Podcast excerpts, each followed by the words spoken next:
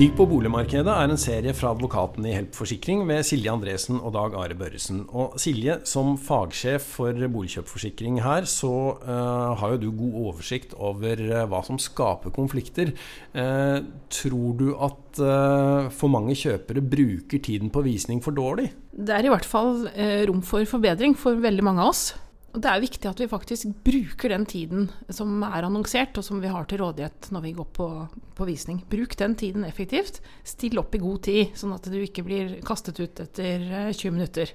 Jeg har en mistanke om at uh, Eh, hvis man blir forelska i boligen, så har man en tendens til å overse alt mulig annet som man kanskje burde ha se etter. Hva er egentlig det viktigste man bør gjøre på visningen? Ja, det viktigste er jo altså På visning så skal du jo fullføre den eh, undersøkelsesprosessen som du har startet, når du forhåpentligvis har lastet ned prospektet og alle de andre saksdokumentene på forhånd. Sånn at du har, allerede har oversikt over eiendom, en oversikt over eiendommen med plusser og minuser.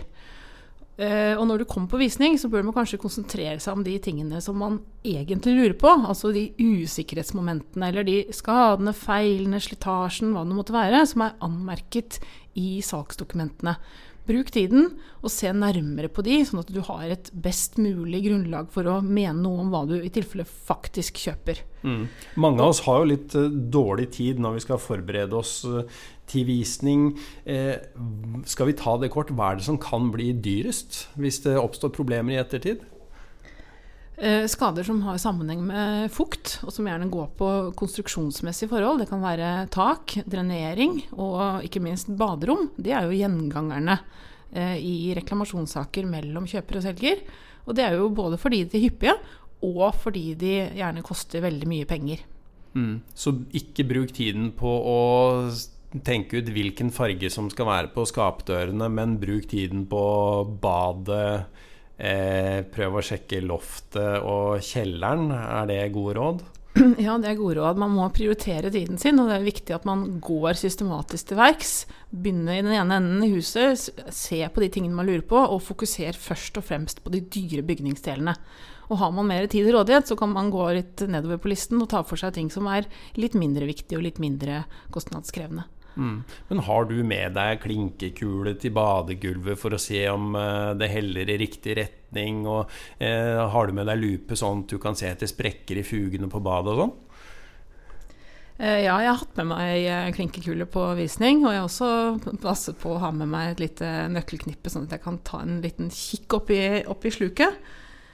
Eh, så det, det, kan være fornuftig. Men uh, igjen så, så, er det jo viktig at man liksom vurderer det i forhold til det objektet som man skal på. Og det skal du ha fått en ganske god ledetråd av for allerede gjennom salgsprospektet og boligsalgsrapporten, som du bør absolutt ha lastet ned fra nettet og lest grundig og systematisk før du har kommet på visning. Så noen ganger så er det masse ting å ta tak i, og du vet kanskje allerede at det er skjeve gulv. Da er det ikke noe veldig stort poeng å ha med seg klinkekule, for det vet du allerede.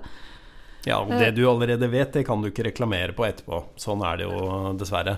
Um, men uh, det er veldig mye informasjon, som du sier, i salgsdokumentene. Og det er jammen ikke lett å bli klok på eller sammenholde all informasjonen. Og uh, det kan være en del som skurrer for mange når de leser. Hvis det er noe jeg ikke skjønner, hva skal jeg da gjøre med det når jeg er på visning? Ja, Hvis det er noe du ikke skjønner, f.eks. at det er brukt begrep som du ikke vet hva er, eh, det er helt forståelig at man, hvis man ikke har noe erfaring med det, ikke, ikke har noen klar oppfatning av f.eks. hva en drenering er, så er det selvfølgelig lov til å spørre. Spør megler. Eh, og det er ikke gitt at megler kan svare på alle ting. Og når det gjelder tekniske og bygningsmessige forhold, så har jo ikke eiendomsmegleren noen spesiell utdannelse i forhold til det, men det kan være at han kan være behjelpelig med å bringe spørsmålet videre, sånn at man kan få klarhet eh, i det man lurer på. Hvis man kommer over opplysninger som er i motstrid med hverandre, eh, f.eks. at det står eh, et sted at baderommet er fra 2016, og så står det et annet sted at det er fra 2006, eller at det står at boligen har 100 kvm P-rom ett sted, og så står det 140 kvm et annet sted, da er det jo absolutt grunn til å stille spørsmål hvorfor står det ulikt, og hvilket av disse alternativene er korrekt. Og det må man forvente da å få avklart. Og det bør man få avklart før man begynner å gi bud. Det er veldig viktig. Ja, og I tillegg til det så kan det jo stå at eh, Eller det kan fremgå at eh, litt har man gjort selv eh, på litt sånn dugnadsbasis, og litt er det fagfolk som har gjort. Og da er det kanskje en fordel å spørre eller å finne ut nøyaktig hvem som har gjort hva. Ja, det er en veldig, veldig hyppig diskusjon i mangelsaker etterpå.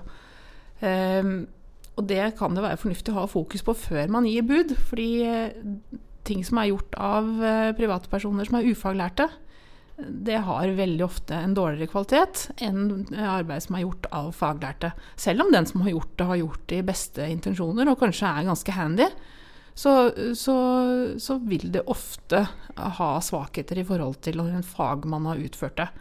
Og, og, det kan også være sånn at den ufaglærte som har gjort arbeid på sitt eget hus, tenker selv at dette ble veldig bra, men det er ikke så lett for en ufaglært å vurdere Eh, den fagmessige kvaliteten av sitt eget ufaglærte arbeid. Mm. Sånn at eh, det på en måte, Der er det ikke så mye å hente på å stille spørsmål er det bra gjort. Fordi den som har utført det, vil jo typisk mene at eh, det er bra. For han har jo gjort sitt beste, og han har jo gjerne gjort det på en måte fordi at han selv skal ha glede av det også. Mm. Men så er det like fullt så er det ikke alltid på langt nær tipp topp. Så for å oppsummere, da, så kan man si at i en del salgsdokumenter så finnes det en del litt sånn halvkvedede viser om eh, hvem som har gjort hva, og hva som egentlig er gjort av oppussing. Så for å eh, hindre misforståelser og diskusjoner i ettertid om hva man burde ha forstått som kjøper, eh, hvis det er noe feil ved boligen, da, så bør man avklare disse tingene på forhold. Så unngår vi disse sakene i ettertid. Ja, definitivt. Og still spørsmål, og be gjerne om eh, skriftlig svar. Så har man dokumentasjon for hva som har blitt sagt. For det er jo det andre siden ved det. det.